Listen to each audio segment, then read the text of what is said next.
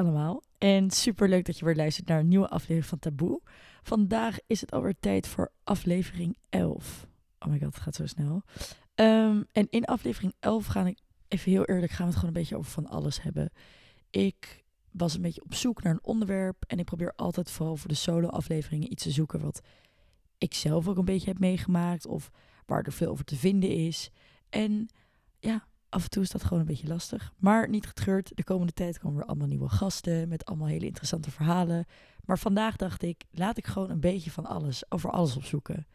Want, ja, heel eerlijk, ik ben zelf ook altijd uh, in het normale leven heel erg van de feitjes en de trivia en dingen weten. En dat komt ook gewoon omdat het vaak leuke dingen zijn om te vertellen of om te horen. En het blijft goed hangen. Dus toen dacht ik, nou ja, als ik gewoon allemaal hele interessante trivia vind over eetstoornissen, misschien kan iemand dat dan ook gewoon als gespreksopener gebruiken. Wat misschien een beetje een gek bruggetje is, maar ja, ik vond het zelf wel interessant. Dus even voor jullie idee, deze aflevering wordt opgesplitst in soort van drie categorieën met feitjes. De eerste is eigenlijk ja, gewoon de geschiedenis. Dus waar komt het vandaan? Wanneer is het voor het eerst ergens gelezen of vastgesteld in de geschiedenis? Daarna gaat het eigenlijk over een beetje ja, statistieken en, en random feitjes. En als laatste vond ik het ook heel interessant om te onderzoeken wat de connectie is tussen ADHD en eetstoornissen. Dus dan weet je in ieder geval een beetje wat er gaat komen. Oh ja, ook wil ik jullie vragen dat um, mochten jullie nou heel graag iets willen horen, ook als je niet zelf wilt spreken, maar mocht je nou heel graag iets willen horen in de podcast, laat me dat ook vooral even lekker weten via de Instagram, want ik vind het alleen maar super leuk als mensen zeggen dat ze luisteren. Ik krijg de laatste tijd nog steeds best wel veel berichten van mensen dat ze voor het eerst hebben geluisterd en dat ze het leuk vinden. Dus dat geeft mij natuurlijk weer heel veel energie om hier weer heel veel tijd in te stoppen. Dus, nou goed, als je uh, input hebt, dan is het altijd welkom. Mag ook feedback zijn. Mag ook zeker zeggen als je dingen niet leuk vindt. Dat vind ik ook helemaal goed om te horen. Maar goed, laten we beginnen. De eerste meldingen van eetstoornissen, die zijn gevonden, echt de allereerste, in um, de periode tussen 323 en 31 voor Christus.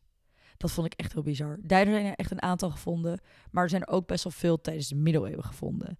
Er is ook bewijs van een meisje van een jaar of twintig, een Romeins meisje, dat ze zelf helemaal uithongerde in de hoop dat ze heilig werd. Er werd sowieso tijdens de middeleeuwen um, meerdere dingen gevonden over mensen dat ze gingen vasten, waardoor ze dan vroegtijdig overleden, omdat ze dan helemaal uitgehongerd waren. Wat best wel gek is, want in de tijd van de middeleeuwen vooral, um, vond de kerk niet dat je dat mocht doen. De kerk vond niet dat jij mocht lijden, want dat leek dan te veel op wat Jezus Christus had meegemaakt. En ze vonden niet dat jij hetzelfde hebt doorgemaakt, dus je kon er niet mee spotten. Dus je moest vooral niet jezelf dwingen om te lijden door bijvoorbeeld uitgehongerd te raken. Dus de kerk stond totaal niet achter vast of uithongeren. Maar dit gebeurde dus wel, juist omdat heel veel volgelingen dachten van... joh, uh, als ik net zoals Jezus heb geleefd, dan word ik ook net zo heilig beschouwd. Of in mijn huidige leven of in mijn leven hierna. Dus, uh, want zij hebben dan ook al een beetje ja, al die dingen doorstaan, net als dat Jezus heel veel dingen heeft doorstaan. Er is hier een heel goed voorbeeld van. Ik vond het echt een ziek interessant verhaal. Deze meid heet Catharina Senensis, ook wel Catharina van Siena genoemd. En zij is geboren in 1347 in Toscane in Siena. Shocker. En um, toen zij zes was, heeft zij gezegd dat zij Jezus heeft gezien boven een kerk. En een jaar daarna heeft ze eigenlijk eeuwig trouw uh, beloofd aan hem en gezegd dat ze forever maagd zou blijven. Dat was dan haar manier om dat te laten zien. En ze had een zus en die was wel getrouwd. En haar zus was getrouwd met een man, maar die man deed allemaal nare dingen. Dus haar zus ging uit protest een soort van vasten om die man te straffen als hij zich had misdragen. En dat was Catharina eigenlijk de eerste ja, perceptie van dat vasten. En haar zus is uiteindelijk overleden. En toen haar zus overleed, wilden haar ouders dat Catharina met die man van haar zus zou gaan trouwen. Maar ja, Catharina had natuurlijk eeuwige maagdigheid beloofd aan, aan Jezus. Dus haar antwoord hierop was juist ook om heel erg te gaan vasten, omdat ze het absoluut niet wilde. Ik vind dit trouwens best wel grappig, want ik heb natuurlijk al heel vaak verteld dat eetstoornissen niet met eten hebben te maken, maar juist het gevoel van controle hebben in een situatie waar je geen controle op hebt. En dit is precies dat. Maar goed, uiteindelijk, ze wilde dus niet met hem trouwen, dus ze ging heel erg vasten. En ze vertelde dat ze met Jezus kon praten en dat Jezus haar een ring heeft gegeven als teken van trouwen. Dus ze was zeg maar getrouwd met Jezus, dus ze hoefde niet met die andere vent te trouwen. En daarna heeft ze haar hele leven nog gevast. Uh, heeft ze bijna alleen maar water en groenten gegeten tussendoor. waardoor ze zichzelf dus uithongerde en uiteindelijk overleed op 33-jarige leeftijd. Dus dit is eigenlijk een, een best wel bekende vorm. Zij wordt dus ook wel de heilige van anorexia genoemd, wat ik echt geschift vind. Ze heeft dus uiteindelijk wel een soort van de heilige status bereikt die ze hiermee wilde bereiken. Maar ja, dit is dus vroeger gebeurd. En ehm, het is wel enigszins discutabel of dat dan gelinkt is aan de eetstoornissen van nu. Want in die tijden was het wel meer een soort van motivatie om te vasten en jezelf daarin pushen. Dus iets meer die uh, competitie met jezelf in plaats van een obsessie met je lichaam en gewicht en dun zijn. Maar toch denken veel mensen dat het er wel erg op lijkt, ook juist doordat die impulsen van zeg maar sociaal en culturele dingen om je heen, die het hebben gestimuleerd. Want ook dus wat ik zei, in die tijd wilden heel veel mensen dus iets bereiken uh, en gingen ze dus vasten. En dat is nu natuurlijk ook al een beetje zo. Als je dan om je heen kijkt, wil je iets bereiken. Misschien in dit geval wil je extra slank zijn. En dat komt vaak ook door externe factoren. Dus um, ja, dit was dus ongeveer in 1300. In 1689 was eigenlijk um, de eerste case gevonden van anorexia, hoe we dat nu meer kennen. Dus er was een arts, Richard Morton. En die had twee gevallen. Heel toevallig een man en een vrouw ook. En hij omschreef dit als een nerveuze consumptie. Want beide gevallen zeiden geen honger meer te hebben, zonder dat er enige toeleiding voor was. En dat ze niet meer wilden eten, wat ervoor zorgde dat zij dus heel angstig werden. Dat heb ik ook al vaker gezegd, dat, dat best wel vaak mensen inderdaad ook een angststoornis ontwikkelen.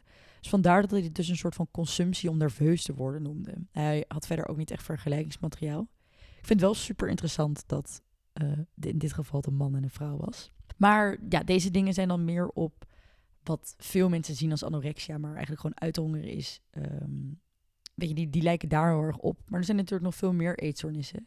Dus na, naast uithongeren heeft compenseren ook al een langere tijd een ronde geschiedenis. En met compenseren bedoel ik um, overgeven. Dus in het oude Egypte, het oude Griekenland, het oude Rome en Arabië schreven doktoren zelf geforceerd overgeven zelfs voor aan mensen, omdat ze geloofden dat het ziektes van eten kon voorkomen. Of van eten kon voorkomen. Dus het werd zelfs gezien als een soort van hulpmiddel. Nou is dit natuurlijk niet per se gelijk gelinkt aan, aan uh, compenseren in de zin dat je dun wil worden, maar best wel bizar dat jij naar de dokter zou gaan en dat die zegt van, oh nee, maar je moet gewoon even een vinger in je keel steken en dan, dan word je niet ziek. En best wel grappig dat dat in en Egypte en Griekenland en Rome en Arabië is gebeurd, want ja, alle vier worden natuurlijk in de geschiedenis wel heel erg gezien als super intellectuele mensen um, die echt heel veel hebben gedaan. Dus dat vond ik best wel grappig. Daarna zijn er ook nog wel een aantal andere gevallen geweest die met eetbij en overgeven te maken hebben. Maar die zijn niet zo significant als de uithongerverhalen. Dus helaas is er niet zo'n uh, interessant verhaal als bijvoorbeeld Catharina van Siena. Wat ik uh, me daardoor dus ook afvraag is zal het dan zo zijn dat er misschien dus wel echt wel meer gevallen zijn hiervan, maar dat dat dus niet naar boven komt omdat mensen het lastig vinden om over overgeven te praten, omdat het heel erg als taboe wordt gezien. En dit is gewoon een soort hersenspinsel verder hoor. Dus um, ik zat erover na te denken dat in deze tijd, als je heel veel afvalt, het vaak er gepaard gaat met dat mensen een beetje de hemel in prijzen. Tuurlijk zijn er ook genoeg mensen die uh, de alarmbellen afgaan, maar mensen, in mijn geval in ieder geval, laat ik het zo zeggen, als ik dunner werd, dan was ik daar echt best wel heel erg trots op. Maar als ik een eetbui had en overgegeven, dan zeker niet. En ik vraag me dus af of die perceptie die ik daarvan had, gelijk staat aan bijvoorbeeld wat mensen vroeger hadden. En dat er daarom zoveel minder verhalen over zijn, omdat mensen ja, het gewoon eng vinden. Want bijvoorbeeld die verhalen over vasten, dat is ook een soort competitie. Die wilde ook daarmee iets bereiken. Dus het is niet heel gek dat je daar dan een soort van te koop mee loopt. Want ja, jij gelooft er niets en je wilt daar iets mee bereiken. Maar ja, met compenseren in de vorm van overgeven is natuurlijk heel anders. Um, maar goed, laat even weten als iemand hier een andere mening over heeft. Want ik ben hier eigenlijk wel benieuwd naar wat, wat mensen hier ook over denken. Goed, we gaan door. Want alhoewel de diagnose bulimia pas laat werd ontdekt, kwam binge eating disorder nog later. Dus dit was eigenlijk een beetje voor het eerst ontdekt in 1959 door een meneer genaamd Albert Stunkart die het het night eating syndrome heeft genoemd. Hij heeft daarmee ook wel benadrukt dat um, eetbuien ook los kunnen staan. Dat dat niet per se binge eating disorder hoeft te zijn. Maar best wel sick dat dat pas in 1959, hè? Dat is echt niet heel lang geleden. Dat dat pas voor het eerst um, naar boven kwam toen. Waarschijnlijk bestaat dat ook al veel langer, maar voor het eerst dat ze erachter kwamen. Ehm, nog een tip voor mensen die daarmee struggelen en ook met um, eetbuien in het algemeen struggelen. Um, ik heb het wel vaker getipt, maar dit is precies waarom. In 1993 is er namelijk cognitieve behandelingstherapie hiervoor gemaakt. Onder andere door Dr. Fairburn. En drie keer raden wat Dr. Fairburn heeft geschreven. Die heeft het boek Overwin je eetbuien geschreven. En dat heb ik wel vaker genoemd, maar misschien heb je niet naar alles geluisterd. Dat kan natuurlijk. Maar Overwin je eetbuien is een boek uh, wat ik zelf ook denk ik een aantal keer heb gelezen. En uh, dit werd mij ook getipt door de kliniek waar ik uh, liep. Want in het eerste deel van het boek gaat het over heel veel dingen van eetstoornissen. Echt niet alleen over eetbuien. En je leert heel veel dingen begrijpen. Er staan anekdotes in over andere mensen. Um, en ik vond dat super interessant. En dat liet mij echt heel goed begrijpen waarom ik me zo voelde. En het tweede deel van het boek is eigenlijk een behandelplan. En mijn behandelplan was daar ook op gebaseerd. Dus ja, ik zweer bij de methode, om het zo maar te zeggen. Maar ik kan me wel voorstellen dat als jij een methode uit een boek moet gaan volgen, dat dat minder um, ja, dat, ja, ik zou zelf daardoor veel minder gemotiveerd zijn dan bijvoorbeeld met een psycholoog. Maar mocht je het dus moeilijk vinden om naar de huisarts te gaan bijvoorbeeld, dan is dit boek wel echt een hele goede aanrader. Um, want er staat gewoon superveel in. En de beste man, die is eigenlijk een van de weinige mensen die hier ooit een soort van effectieve therapie voor heeft kunnen maken. Dus het is niet dat, het, dat hij op een dag wakker werd en dacht ik ga een boek schrijven. Het is gewoon echt zo. Ja, dit is dus een beetje de geschiedenis over uh, verschillende soorten eetstoornissen. Ik vind het bizar dat, dat de allereerste keer gewoon voor Christus is. Dat is, dat is echt. Dan heeft het dus echt niet, niet te maken met alleen maar social media. En dat zal het zeker verergeren. Maar ja, best wel sick dat dat al zo lang zo is. Um, dan gaan we door naar een paar random feitjes over eetstoornissen. Goed, 95% van de mensen met een eetstoornis heeft ook een andere psychische aandoening, zoals bijvoorbeeld een angststoornis of een depressie. Nou, dat verbaast me eigenlijk helemaal niet. Ik heb net nog gezegd, kijk, als je minder eet, slaap je vaak ook minder goed. Uh, en daar word je gewoon angstig van. Dat is niet heel gek. Ik luisterde vroeger altijd heel veel true crime. Dat doe ik nog steeds wel een beetje, maar minder. En in de tijd dat ik een eetstoornis had, werd ik zo bang van alles. Terwijl ik helemaal niet per se bang ben aangelegd. Maar als ik alleen thuis was, dacht ik dat er ingebroken werd. Als ik alleen over straat liep, wat ook niet heel vaak was. Maar dan dacht ik dat ik achtervolgd werd. Of dat er, weet ik veel, dat ik gekidnapt zou worden of zo. En die angst, die had ik daarvoor. Ik had wel de bewustzijn ervan dat het zou kunnen gebeuren, maar niet de angst. En mijn therapeut heeft toen ook gezegd dat ik minder naar true crime moest luisteren, want dat voedt dat een beetje. Maar de specifieke angst komt niet van de true crime. Dat is gewoon de bewustwording van wat er kan gebeuren. Maar de angst komt natuurlijk gewoon van het niet eten. Dus het is niet heel gek dat eetstoornissen gepaard gaan met de angststoornis. Um, of met depressie, ook omdat ja, je hebt natuurlijk best wel een laag zelfbeeld. Nou ja, ik had in ieder geval een laag zelfbeeld uh, tijdens zo'n eetstoornis. En ja, ik ging me ook best wel een beetje isoleren. Um, en ik weet van anderen dat ze dat ook hebben gedaan. Dus daar kan je best wel een beetje depressief van worden. Dus ik vind het niet heel gek dat die samen gaan. Nog een feitje. Um, de meest veel voorkomende diagnose is OSFED. Dat staat voor Other Specific Feeding and Eating Disorders. Dit is eigenlijk een soort collectieve naam voor een diagnose um, voor ja, eigenlijk een soort eetstoornissen die nog geen echte diagnose hebben. Dus orthorexia, waar ik het vorige week over heb gehad, Kiki valt hieronder. Um, omgekeerde anorexia, wat veel meer mannen hebben. Dat ze niet kunnen zien dat hun spieren groeien, in plaats van dat ze niet kunnen zien dat ze dun worden, valt hieronder.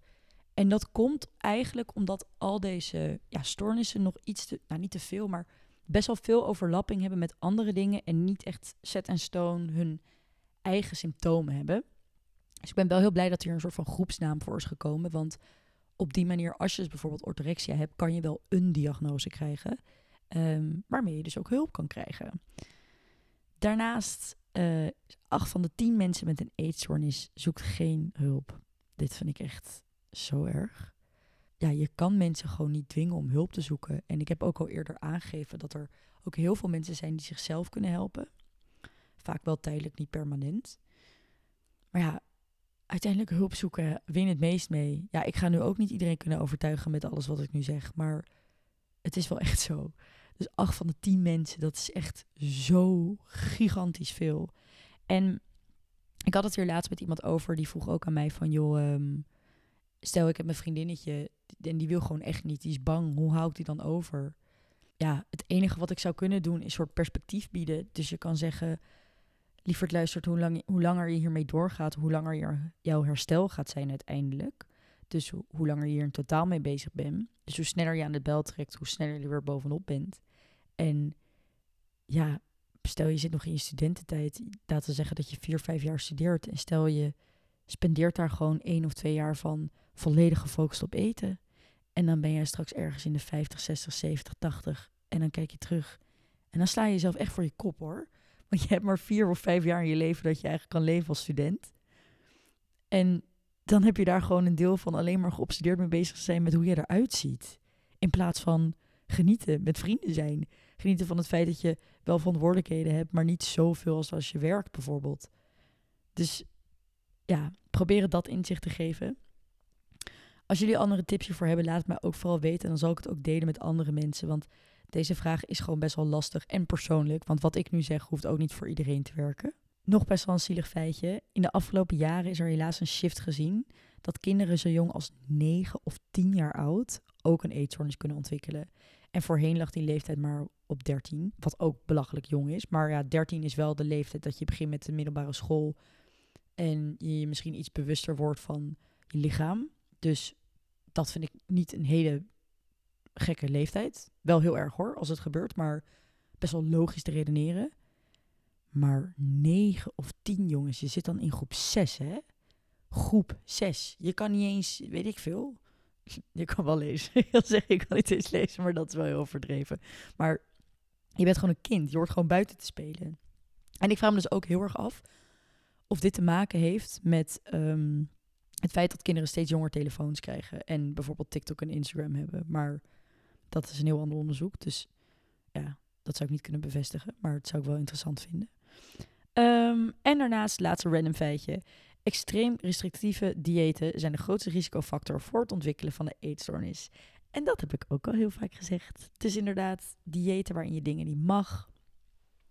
Daar kan je gewoon heel makkelijk in doorslaan. Dus um, ook een kleine waarschuwing voor jezelf. Mocht je een dieetprogramma volgen, dat moet je lekker zelf weten.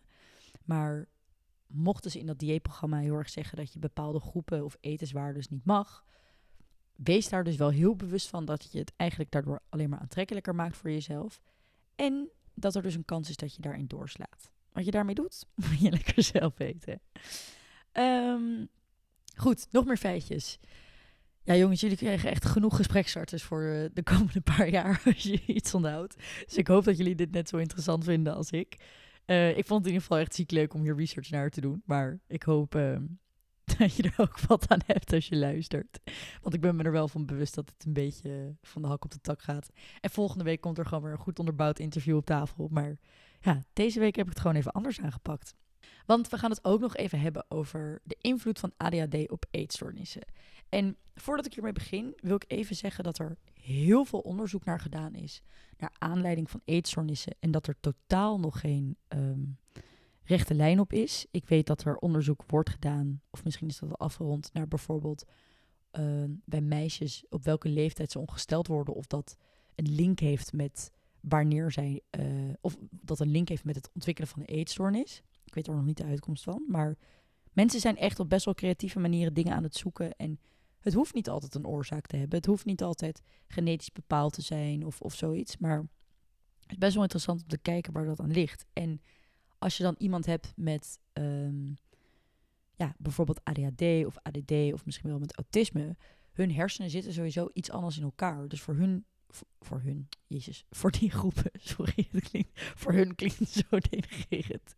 Maar voor die groepen um, kan het natuurlijk ook weer heel anders zijn. En dat is ook wel echt zo. Want wat wel zo is, is dat mensen met ADHD bijna vier keer meer kans hebben op het krijgen van een eetstoornis. Vier keer meer, hè? Dat is echt heel veel. Maar dat komt dus omdat zij vaak um, een alles of niets aanpak hebben met beslissingen maken. Ze gaan vaak of voor de volle 100% voor iets of helemaal niet. En um, zij zien de obsessie met eten dan als een soort nieuwe hyperfocus. Veel mensen met ADHD die hebben een hyperfocus en dat kan op van alles zijn. Uh, maar dat is een soort extreme fixatie op iets. En dat, dat kan zijn dat ze ergens fan van zijn, maar dat kan ook een bepaald soort eten zijn of, of, of iemand, kan ook. Maar omdat ze deze nieuwe hyperfocus hebben, is het, dat kan dus ook gewoon eten in het algemeen zijn. En als je dus een alles of niets aanpak hebt, dan is dat niet heel gek dat je daar dan misschien gevoeliger voor bent. Daarnaast is het ook heel vaak zo dat ze eh, heel vaak het idee hebben dat ze niet in controle zijn over hun eigen leven. Alsof ze een beetje met een soort kip zonder kop door hun leven gaan en alles maar een beetje gebeurt.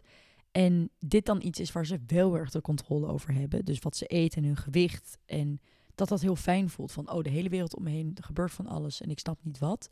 Maar hier heb ik wel gewoon ehm, die controle op. En dat is ook best wel logisch, want ik heb het hiervoor ook met anderen over gehad in de podcast. Dat dat controlegevoel gewoon heel lekker is. En dat controlegevoel is precies eigenlijk wat je, wat je najaagt. Dus het is ook niet gek dat als jij normaliter door je ADHD. En ik wil niet iedereen over één kam scheren. Ik zeg niet dat dit, dat dit voor iedereen is. Maar uit mijn ervaring van vrienden van mij die ADHD hebben, heb ik wel het idee dat ze dit ook ervaren. In de zin van dat alles een beetje gebeurt en ze daar geen invloed op hebben. En lijkt me dit ook gewoon een hele logische uitweg. Niet goed, maar wel, ja, wel prima te onderbouwen. Ook is het vaak zo dat mensen met ADHD vaak een onregelmatig slaapritme hebben, waardoor ze bijvoorbeeld uh, een midnight snack halen en dat dat al heel gauw een eetbui kan worden. Omdat er ook onderzoeken zijn gedaan dat mensen met ADHD een hele andere soort reactie hebben op eten dan dat mensen zonder ADHD dat hebben. Zij zien dat ze ervaren dat veel meer als een soort beloning. Dus um, dat ook nog eens in combinatie met impulsieve acties kan heel vaak leiden tot eetbuien. Dus sowieso als je een eetbui hebt, voelt het eten, althans uit mijn eigen ervaring, echt een soort van als het allerbeste ooit op dat moment. Ken je dat gevoel dat je echt, stel je bent brak en je hebt echt heel veel zin in iets en dan heb je het en dan is het net zo lekker als dat je dacht in je hoofd. Nou, die um, satisfaction kon ik ook echt hebben met een eetbui. En ja, zo beeld ik me in ieder geval in hoe iemand met ADHD dan eten ook kan ervaren. En als je dan ook nog eens heel impulsief bent en sowieso onregelmatig bijvoorbeeld slaapt of eet, ja, dan is wel echt 1 in 1 2. Dus dat vind ik ook niet heel gek. En binge eating disorder komt dan ook best wel vaak voor bij mensen met ADHD. Om, nou ja, omdat ze dus die andere stimulans ervan krijgen, omdat ze impulsieve acties hebben en um, ja, gewoon niet zo goed weten hoe ze daar zichzelf weer in recht moeten trekken. En nogmaals, dit geldt niet voor alle mensen met ADHD. Maar ja, ik vind het eigenlijk best wel logisch klinken. Check even als je vrienden hebt met ADHD of het zelf hebt. Misschien herken je je wel in dingen. Ik zeg niet dat als je ooit een eetbui hebt gehad, je opeens binge eating disorder hebt of bulimia. Of anorexia. Maar ja, het is gewoon fijn om te weten waar dingen vandaan komen. Dat had ik heel erg. Ik vond het heel fijn om mijn gedrag te begrijpen. En dat hoop ik hier eigenlijk ook wel een beetje mee te bereiken. Dat stel dat je ADHD hebt en een van deze dingen hebt gehad, dat je dan misschien een beetje begrijpt hoe je hoofd werkt en waarom je die keuzes dan maakt. En dat het helemaal niet erg is. Want er zijn ook heel veel dingen als je het wil voorkomen om het wel te kunnen voorkomen.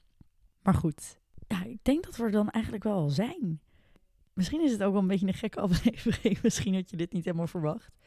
Maar ja, soms vind ik het ook leuk om gewoon zelf veel research te doen. En als er niet één onderwerp is waar ik veel over kan vinden, dan vind ik het leuk om van alles een beetje te doen nogmaals, wat ik ermee wil bereiken. Misschien een goede gesprekstarter. Misschien heb je wat geleerd. Misschien heb je dingen beter leren begrijpen over jezelf.